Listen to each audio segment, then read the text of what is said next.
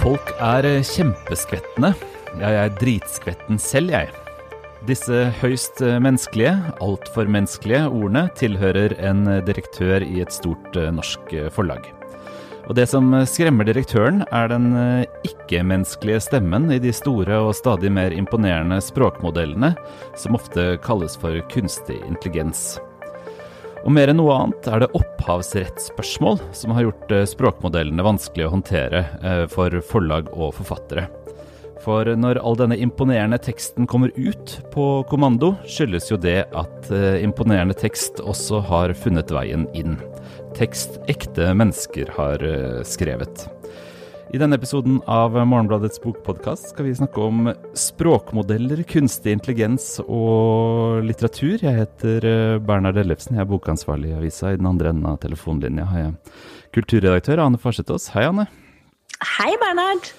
Ja, vi skal snakke om eh, det som alle snakker om. Eh, kunstig intelligens, som det kalles. Jeg sliter med å kalle det kunstig intelligens, det er jo, det er jo ikke det der. Men språkmodeller som vi kjenner som chat-GPT f.eks., og og litteratur. Vi har um, to uh, flotte, interessante saker i denne ukas avis som behandler uh, dette temaet i litterær og bokbransjeaktig kontekst. Uh, det ene handler om opphavsrett, som er det store spørsmålet, liksom. Det andre handler om de litterære mulighetene, kan vi kanskje si, og det tenkte vi vi skulle um, snakke oss igjennom denne uka. Dette er spennende stoff. og Eh, vi må begynne med opphavsretten, tror jeg. Det fyller mest i diskusjonen nå. Ja, uh, som du sa, det ene handler om juss og penger. Mm. Det andre handler om kunst. Altså børs og katedral. Uh, dette er jo en ny teknologi som liksom går inn i alt som har med bøker å gjøre. Ja, ny teknologi som altså um, sender oss inn i den, akkurat den samme dualiteten som vi alltid havner i når vi snakker om litteratur. Ja. Det er klart. Um, og det er noe fascinerende her, ikke sant. Du sa dette med kunstig intelligens. Jeg også reagerer på det. Altså, jeg, sliter fortsatt med hvorfor ordet intelligens, hvorfor det har satt seg.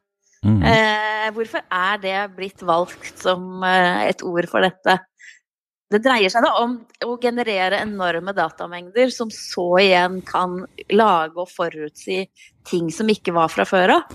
Jeg skjønner ikke helt intelligensbegrepet inni det. Nei, og, og, hvis vi skal gjøre rede for det, så får vi sikkert kjeft av noen som kan mer om teknologien ja. oss. Eh, ja. Men hvis vi skal forstå det fra vårt eh, lekmannsperspektiv, så må vel det skyldes at eh, innlæringsprosessene jo ikke er liksom én til én. Det er maskinlæringsprosesser, så der ligger vel på en måte den uh, intelligente delen, kanskje. Men dette er jo uh, mer presist, tenker jeg å kalle det, i hvert fall for oss uh, som skal forstå det i en spesifikk kulturell kontekst, og ikke liksom som teknologer, som språkmodeller. Um, men det som jo har seilt opp som det store, store problemet i vår del av uh, kulturverden med språkmodellene de månedene og kanskje snart året dette har vært et stort uh, tema, er jo den teksten som går inn.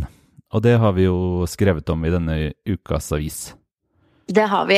Eh, jeg må bare igjen jeg må bare tenke litt gjennom at det heter språkmodeller. fordi at eh, Bare det i seg selv er jo litt fantastisk for oss som holder på med litteratur. Da, ja, ja. Eh, altså, da vi studerte litteraturteori, så var jo sånne ideen om at det lå dype modeller bak. Altså det, at språket og litteraturen i seg selv, at man skulle finne noen sånne dypmodeller i språket som kunne forklare all litteratur. Det, det er litt sånn eh, ideer som var store i kulturen på 60-tallet f.eks. Og nå kommer dette eh, da kommersielle verktøy og heter faktisk en språkmodell. Ja, Det kan det vi sånn... komme tilbake til, for det, det syns jeg ikke vi skal avslutte denne episoden uten å være begeistret over. For jeg syns nemlig dette er et helt fantastisk leketøy akkurat i denne altså i den sammenheng, da. Det er, jo, det er jo språkmodellen man har mm. eh, på en måte litterært fantasert om. og, og det er helt rått, rett og slett. Det er så jævlig gøy å sitte og, og taste seg rundt inn i den, uh, inn den uh, språkmodellen, ja. Ja, så, Men det er ikke bare gøy. alvoret først. Alvoret først. For de som da eh, forvalter eh, rettigheter eh, på vegne av forfattere, altså forfattere selv selvfølgelig, men også de som forvalter dem på et overordna nivå, altså forlag og agenter, så er jo dette her en hodepine av de store. Fordi du kan ikke få en språkmodell eh, som er noe bra, uten at den trener seg på noe som er bra. Så dette handler jo om hvilken mat som går inn for at all denne maten, nye, nygenererte maten, alle ingrediensene som går inn. Mm. Um, og hvem som eier de. Og så kan man tenke at jo, de, de, skraper jo ting fra nettet, altså ting som ligger åpent ute. Mm. Uh, og der ligger det jo alt mulig rart. Altså, også sitater, selvfølgelig, fra litterære verk fra før av. Eh, men spørsmålet blir jo da også om de eh, forbryter seg mot opphavsretten gjennom å bli matet med opphavsrettslig beskyttet materiale, altså utgitte bøker. Ja, for eh, det vi har sett de siste ukene, er, er nyheter om at agenter f.eks., som altså på en måte jobber med rettighetene for norske forfattere ute i verden, da, har punkter om at språkmodeller ikke skal brukes i oversettelsen av disse. Og det kan man tenke er litt eh, snobbete, ikke sant. Her skal det være ordentlig kunst, vi skal ha ordentlige oversettere. Men det handler jo også om, eller peker inn i, denne opphavsrettsdiskusjonen. For én ting er jo hva f.eks. OpenAI har mata ChatGPT med av internett, liksom. Hvor mye av internett har putta, de har putta inn i den uh, modellen for at den skal lære seg språk sånn som den har gjort. Det andre er jo at hver gang vi bruker den, når jeg sitter og leker og syns det har det jævlig moro, så sitter jeg jo også og mater den, rett og slett. Mm. Og det seiler jo opp som en veldig sånn konkret tematikk her. Altså hvis oversettere f.eks., for eller forfattere eller andre som altså, ha, sitter med opphavsrettsbeskytta tekst, da. altså en forlagsredaktør f.eks., som kunne lure på kan jeg få hjelp av en datamaskin til å, å gjøre dette avsnittet bedre for forfatterne jeg jobber med, eller oversetter som vil uh, shape opp uh, nynorsken sin, eller et eller annet sånt noe. Uh, de skriver jo også dette, den, altså limer inn da, denne teksten mm. i den derre ruta. Og det er jo det som kan eh, være et opphavsrettsbrudd, da. Mm. Og særlig relevant Eller det har liksom kommet først til oversettelser, i og med at der har man jo et materiale i utgangspunktet som eksisterer, og som er opphavsrettsbeskytta, mm. Eh, og som man gjerne vil forbedre. Og så har vi jo gjennom sommeren snakket med flere oversettere som ser på dette som selvfølgelig en kjempetrussel, åpenbart, eh, hvis de blir gode nok til at man bare med et par tastetrykk kan få ut en oversettelse, men også en hjelp, fordi mm. at her kan du nettopp få noe annet enn det en ordbok kan gi. Altså en dypere forståelse, eh, et alternativ. Flere av de har sagt ja, du kan mate din, så kan du se et alternativ til det du selv har lagd. Og så kan du kanskje se ok, ja, akkurat der var det litt bra, selv om det ikke er like bra som et menneske hele veien. Mm. Eh, sånn at det er ikke gitt at oversettere nødvendigvis bare er positive til å skrive under på en sånn 'jeg skal aldri bruke AI'. Mm. Samtidig er det jo selvfølgelig hvis man begynner å mate hele originalverket, så har man jo gitt bort opphavsrettslig materiale. Så det er ikke rart at det blir den første prøvesteinen, da. Og så har vi jo da vår kollega Ida Wammer har i dette, denne utgaven av uh, Morgenbladet intervjuet forlagssjefene i både Cappelen, uh, Aschehoug og Gyldendal, de tre store. Uh, og de sier jo alle sammen at dette er det viktigste som pågår akkurat nå. Det er en revolusjon. Det er noe helt nytt. opphavsretten gjelder selvfølgelig, men hvordan? Det må lages et nytt rammeverk. dette jobber jobber jo da eh, man med på europeisk plan, men også i Norge. Og også har forlagene begynt eh, for seg selv å lage utkast til nye kontrakter osv. Ja, for det som er interessant, eh, tenker jeg, i, i, samtalene med disse tre forlagsdirektørene i de tre store forlagene, er jo hvor utrolig nervøse de ser ut til å være, og hvor forsiktige de mener det er nødvendig å være nå, før reguleringer på liksom politisk nivå, og kontrakts, uh, altså kontraktene da, er, eh, mm. er ordentlig utarbeida. Eh, Åse Rivarden Aschehoug sier at det er nødvendig å være katolsk. Uh, man antar jo uh, at liksom, de mener at rett og slett det, dette kan vi ikke ta i engang, uh, mm. før vi vet konsekvensen av det. Mer katolsk enn paven, sant. Mm. Og det er jo også Det fins jo et norsk prosjekt på NTNU Eh, der eh, det står en språkmodell Idun og kverner på det norske språket. Mm. Eh, og der sier jo også Gyldendal at de ønsker seg et treningskorpus, men vi har ikke gitt dem så mye som et komma. Mm. Man er helt ikke sant, Inntil man har funnet et godt lovverk, så er man så ultraforsiktig.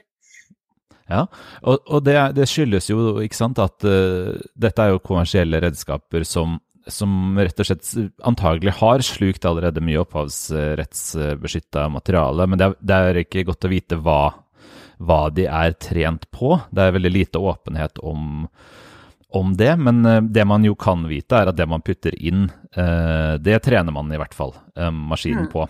Og så er det et sånt annet det, enda mer, altså det blir kalt ekstremt her av Einar Ibenholt i Gyldendal, men man, jeg mener man kan stille det spørsmålet også, da. fordi at den teksten som kommer ut av uh, språkmodellen La oss si at du uh, gjør dette her da, og bruker den til å oversette, f.eks., eller, uh, eller bruker den til å generere kunst. Så, så mater jo den ut tekst basert Antagelig delvis på opphavsrettsbeskytta materiale. Og spørsmålet er jo hva slags status den teksten også har. Jeg, jeg, altså Ibenholt mener at det er for ekstremt å si at den er et brudd på opphavsretten, den teksten som kommer ut av språkmodellen. Men, men det er liksom basert på gamle regler, tenker jeg. Det er litt uklart for meg om ikke det også i hvert fall er eh, hva skal jeg si, et problemområde de, de må finne ut av. Mm, det kan i hvert fall være en grunn til at store selskaper tenker seg om og tenker Tenk om det potensielt kommer noen store gruppesøksmål, da. Mm. Eh, basert på dette. Det er klart at det er vanskelig å si eh, hvor ansvaret er. Altså er ansvaret hos OpenAI og andre av de selskapene som eier disse språkmodellene. Det er jo mest naturlig mm. eh, at det er eh, de som er ansvarlig. Men hvis man har brukt verktøy som så blir ansett å være brudd på opphavsretten, blir man da selv medskyldig i å ha forbrutt seg? Mm. Ja, nei, altså Ibn Al sier at foreløpig så mener de ikke det. Um, ja. Men han sier 'inntil videre'. ja. altså, dette er såpass uklart at det er jo helt åpenbart at de er ikke helt sikre på det, på det heller. Det handler mest om at norske forlag da ikke skal eh, bidra til å, mate noe direkte inn, i hvert fall. Jeg kan nesten ikke komme på noe mer sånn tydelig eksempel i, i den eh, nære bransjehistorien på at forlag, det er dette forlag egentlig er. Altså, de er egentlig rettighetsforvaltere. Vi tenker på dem som butikker og bedrifter, og det er de selvfølgelig. og skal, De skal tjene penger, men hva er det de egentlig tjener penger på? Her blir det virkelig satt på spissen. Her ser vi at det er, dette er livsgrunnlaget. Det er, dette er det de driver med. Og her står liksom selve grunnfjellet eh, og dirrer, mm. dirrer litt, da. Mm. Ja, og de har jo på en måte tre nivåer å forsvare seg på. Det ene er jo liksom kvalitet. Mm. Eh, selvfølgelig at det er Hvis forretningsmodellen er å utgi gode bøker, så er det klart at hvis hele ideen om å lage noe unikt eh, faller sammen, mm. uh, så er hele forretningen borte. Uh, det andre er å forvalte de rettighetene som man allerede har, det man allerede eier, uansett hvor bra eller dårlig det nye kunne bli. og det tredje er jo da faren for å bli saksøkt selv, da, for å være en part i, i um, opphavsrettsbrudd. Ja, og de som hørte på denne podkasten eller leste Morgenbladet i våres, husker jo uvegelig at vi terpa og terpa og terpa på litteratur i innholdets tidsalder. Da snakka vi jo mye om litteratur som content, ikke sant? og da snakker vi om underholdningsinnhold, men at det har fått en annen type sirkulasjon. Dette er jo en veldig sånn, interessant radikalisering av det, egentlig. fordi at internett er eh, nesten bare søppel. Eh, men det er veldig lite av den søpla vi oppsøker, eh, fordi søkemotorer og liksom det, preferansene våre sånn styrer oss i retning av nettsider som er mulig å lese. Mens hvis du tar liksom internett som mengde, så er jo nesten altså ni tideler eller mye mer eh, er jo bare søppel. Tekst som er lagd eh, liksom tom tekst, da, rett og slett. Gibberish. Så det er veldig mm. vanskelig å trene en språkmodell godt på liksom internett som, eh, mm. som grunnlag fordi, fordi, så lite av teksten er nesten leselig. Så her sitter jo liksom de som har redigert materialet, enten man er mediehus eller, forlag, sitter jo på selve gullet. Ikke fordi mm. det er så spennende å lese om, om um, August eller, eller uh, Sulthelten, eller uh, det er så bra å lage TV-serier om Maja Lundes nye roman, av, av, Maja Lundes nye roman, men fordi dette er liksom um, mat høyere, med høyere næringsverdi enn nesten all annen mat som er tilgjengelig der ute. Så, så forlagene sitter jo liksom på en spesiell type verdi her, da. Mm, det er også litt uh, fascinerende alt det der. Vil det liksom bli sånn, bli sånn eksklusivt med sånn helt ubesudlede tekster som er uh, garantert aldri matet inn i noe som helst. Uh, mm. altså en slags reservoar av råvarer. rene råvarer. Ja, men det er jo det. Altså, om ikke på grunn av at den ikke er matet inn før, men først og fremst fordi den holder et annet kvalitetsnivå.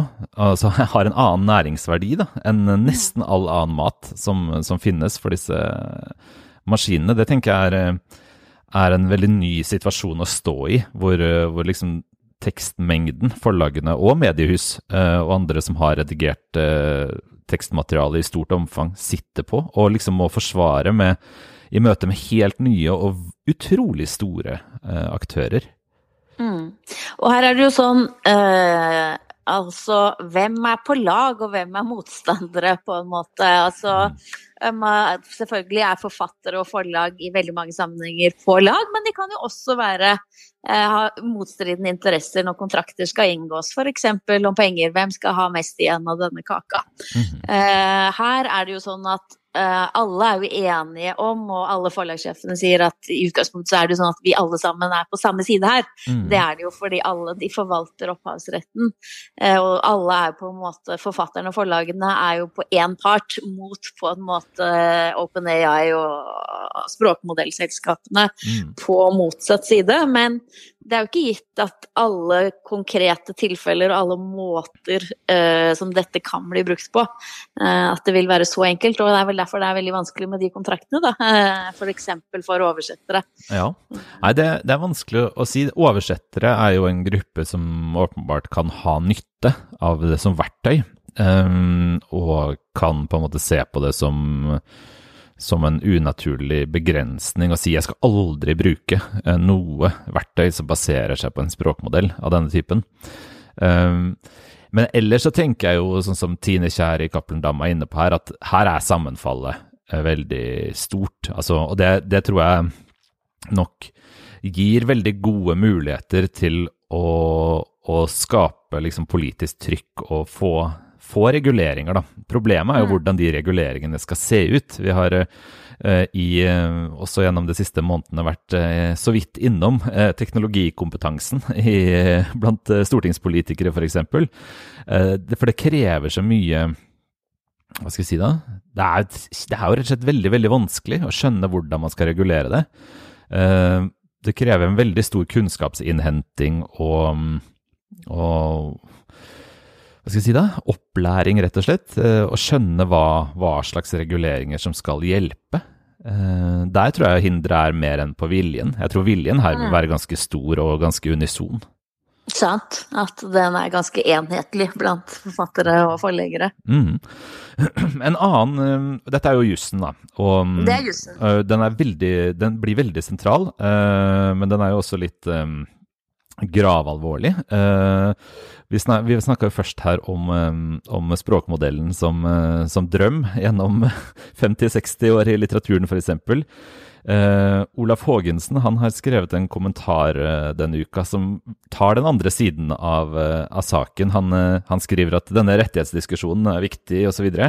Men det finnes også en annen samtale å ha, og det er jo om de litterære mulighetene og hva som skjer i en kunstart som har språk som materiale.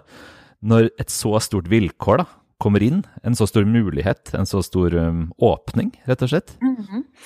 Norsk litteratur har fått sin første chat-GPT-roman. Jeg håper det blir flere, skriver Olaf Haagensen i den ikke alltid like teknologioptimistiske avisa Morgenbladet. ja, uh, Olaf er en teknologioptimistisk leser, han. Uh, så, det, så, han skal ha den, da. Men jeg, jeg, jeg, er også liksom dratt mot den ideen at det finnes muligheter her. Har du, har du prøvd å leke deg med, med tekstvinduet til chat GPT? Det har jeg. Eh, og som jeg har vel ikke kommet på noen andre eh, erfaringer enn det de fleste gjør, nemlig at oi, man blir veldig imponert over hvor fort det går, og mm. at man kan få til dels f.eks. dette med å summere opp eh, innhold. Det er den jo helt rå på, men hvis du spør den om noe norsk, så er den ofte helt fullstendig bedragersk, som vi alle sammen vet. Ja, det er veldig morsomt. Jeg spurte den om uh, den kunne uh, nevne de fem viktigste romanene til Sigurd Hoel og oppsummere dem for meg. Da fant den, fant den på fem romaner som ikke fins i norsk ja. litteraturhistorie overhodet, og ga helt koherente og fine sammendrag av de fem fiktive romanene. Det er sant. Men, dette ja. har det jo vært ledd mye av, og det sier jo Olaf her også. at Foreløpig så er det jo mye sånn, mm. og at det handler veldig mye om å se hvor overlegne vi er. sant? Mm. Fordi at den kan jo ikke erstatte all vår kunnskap. Se, den er jo både en løgner og bedrager, og ikke skriver den så bra heller når du ser nøyere på det, når du går nøyere inn i detaljene. Men Olaf intervjuet jo en forfatter i, i våres, en finsk forfatter som heter Juha Raipola, som hadde skrevet en hel eh, bok med, ved hjelp av chat-GPT eh, bare noen uker etter at det ble offentlig tilgjengelig. Og den boka var ikke så verst, mente Olaf. Eh, og det var jo resultatet av en mer, altså mer, kreativ måte å stille spørsmål på enn eh, en det du og jeg snakker om her, hvor vi liksom bare skal vi nesten bare leter etter begrensningene og en mm. mulighet å, til å le av den, liksom. Til å hovere. Mm. Til å hovere, ja. Jeg satt her uh, tidligere i uka, og så begynte jeg med å stille disse do, litt dumme spørsmålene som, uh, som jeg fikk uh, dumme svar på. Men så, men så skrev jeg inn at um, om, om, um, om jeg kunne få fem avsnitt om forholdet mellom språkmodeller og litteratur i Uh, stilen til David Foster Wallace, en forfatter som jo ville elska å skrive om dette her. Og det var ganske morsomt, for at Foster Wallace har den tydeligvis uh, spist ganske mye av. Så stilen var uh, riktignok litt stiv, men helt gjenkjennelig som Foster Wallace. Og også synspunktene gjenkjennelige. Hva også, mente den da? ja, den mente at dette liksom i, Selvfølgelig i Hva var det den kalte Foster Wallaces stil, da? In his whimsical style. så skrev, skrev, den at her er liksom en sånt osean av muligheter til, til å liksom se i speil av det menneskelige, det teknologiske osv. osv.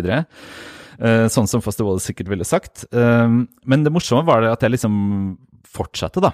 Så, så, så skrev jeg um, at uh, hva, hva, skjer hvis Norman Mailer kommer inn i rommet og, og sier imot uh, Foster Wallace? Og så kom Mailer inn, og Mailer hadde den også spist, tydeligvis, for den snakka i Mailers uh, liksom grandiose stil. Og så ba jeg om at Franson, Jonathan Franson skulle komme inn i rommet. Og så begynte han å jazze på sin måte. Og så spurte jeg hva Susan Sontag ville ment hvis hun var med i diskusjonen. Og hun mente at ja, nei, men dette her ville jo være litt sånn campaktig og interessant.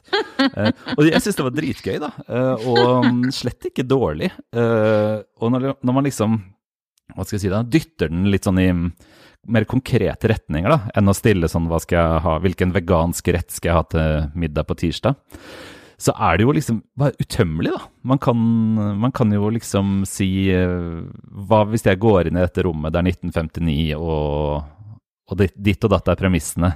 Hva skjer da, liksom? Det er, det er, ikke noe vanskelig å forestille seg at man kan skrive eh, ved hjelp av den kunnskapen som ligger i grunnlaget her, da.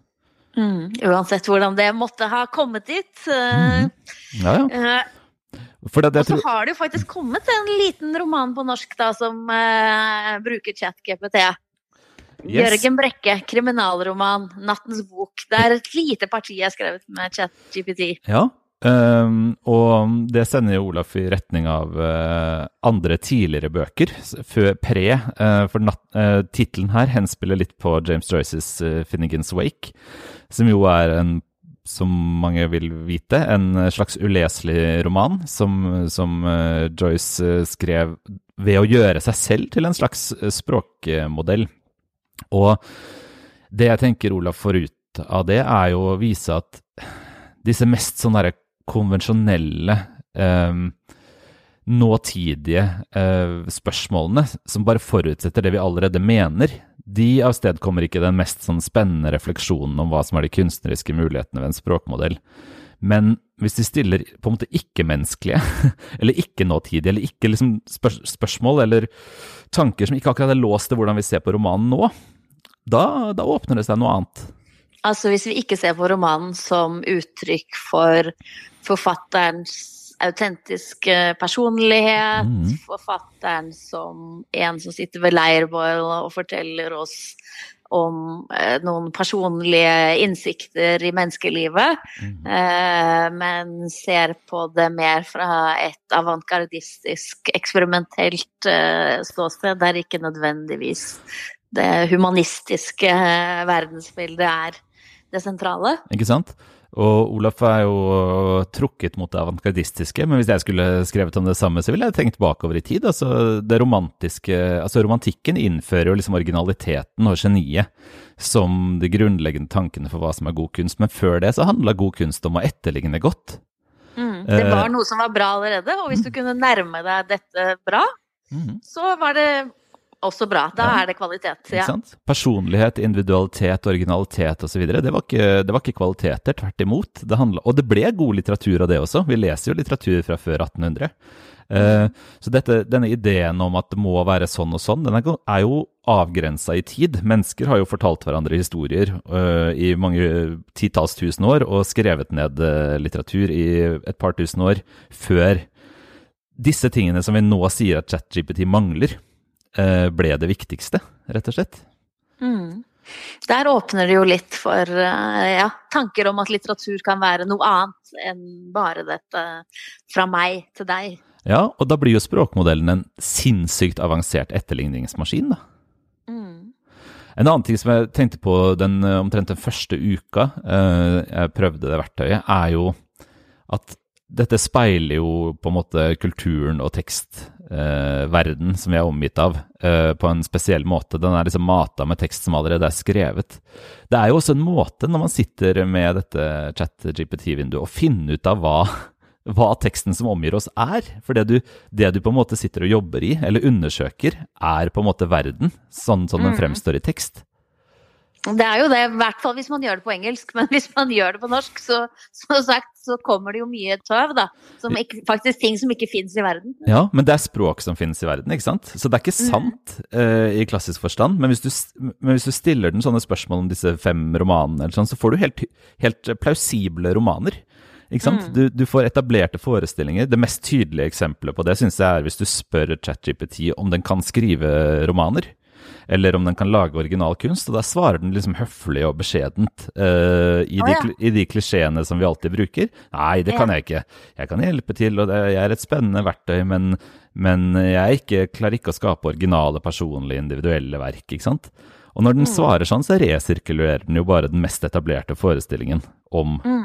om begrensningene ved seg selv. Så det er jo hele tiden Du kan liksom sjekke hva som er gjeldende, da. Ikke hva som er mm. sant, men hva det er mye av. Mm.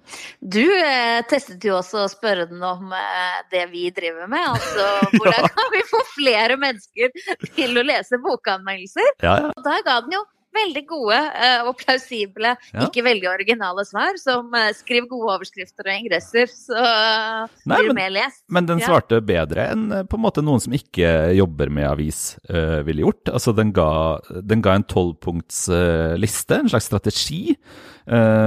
som, som, ligner på det jeg vil anta de fleste sånne strategiprosesser av den typen, som, som jo er arbeidslivets uh, store lodd, uh, ender opp med. Altså helt sånn streit strategi. Kunne, man kunne sikkert liksom holdt på et år og hatt uh, utredninger og diskusjoner, og så presentert akkurat den lista. Altså ingen som hadde sagt dette var da opplagt.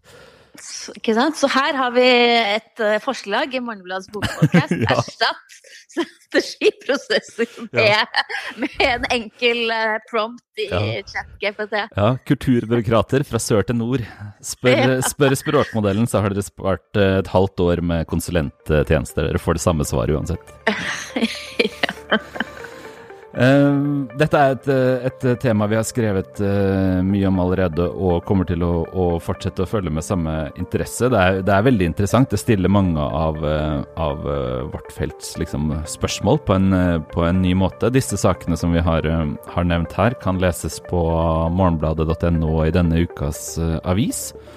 På, på, nettsidene kan man også abonnere på avisa. Det håper vi selvfølgelig du vil gjøre.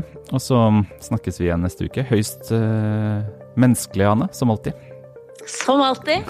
Takk for praten. Takk for praten.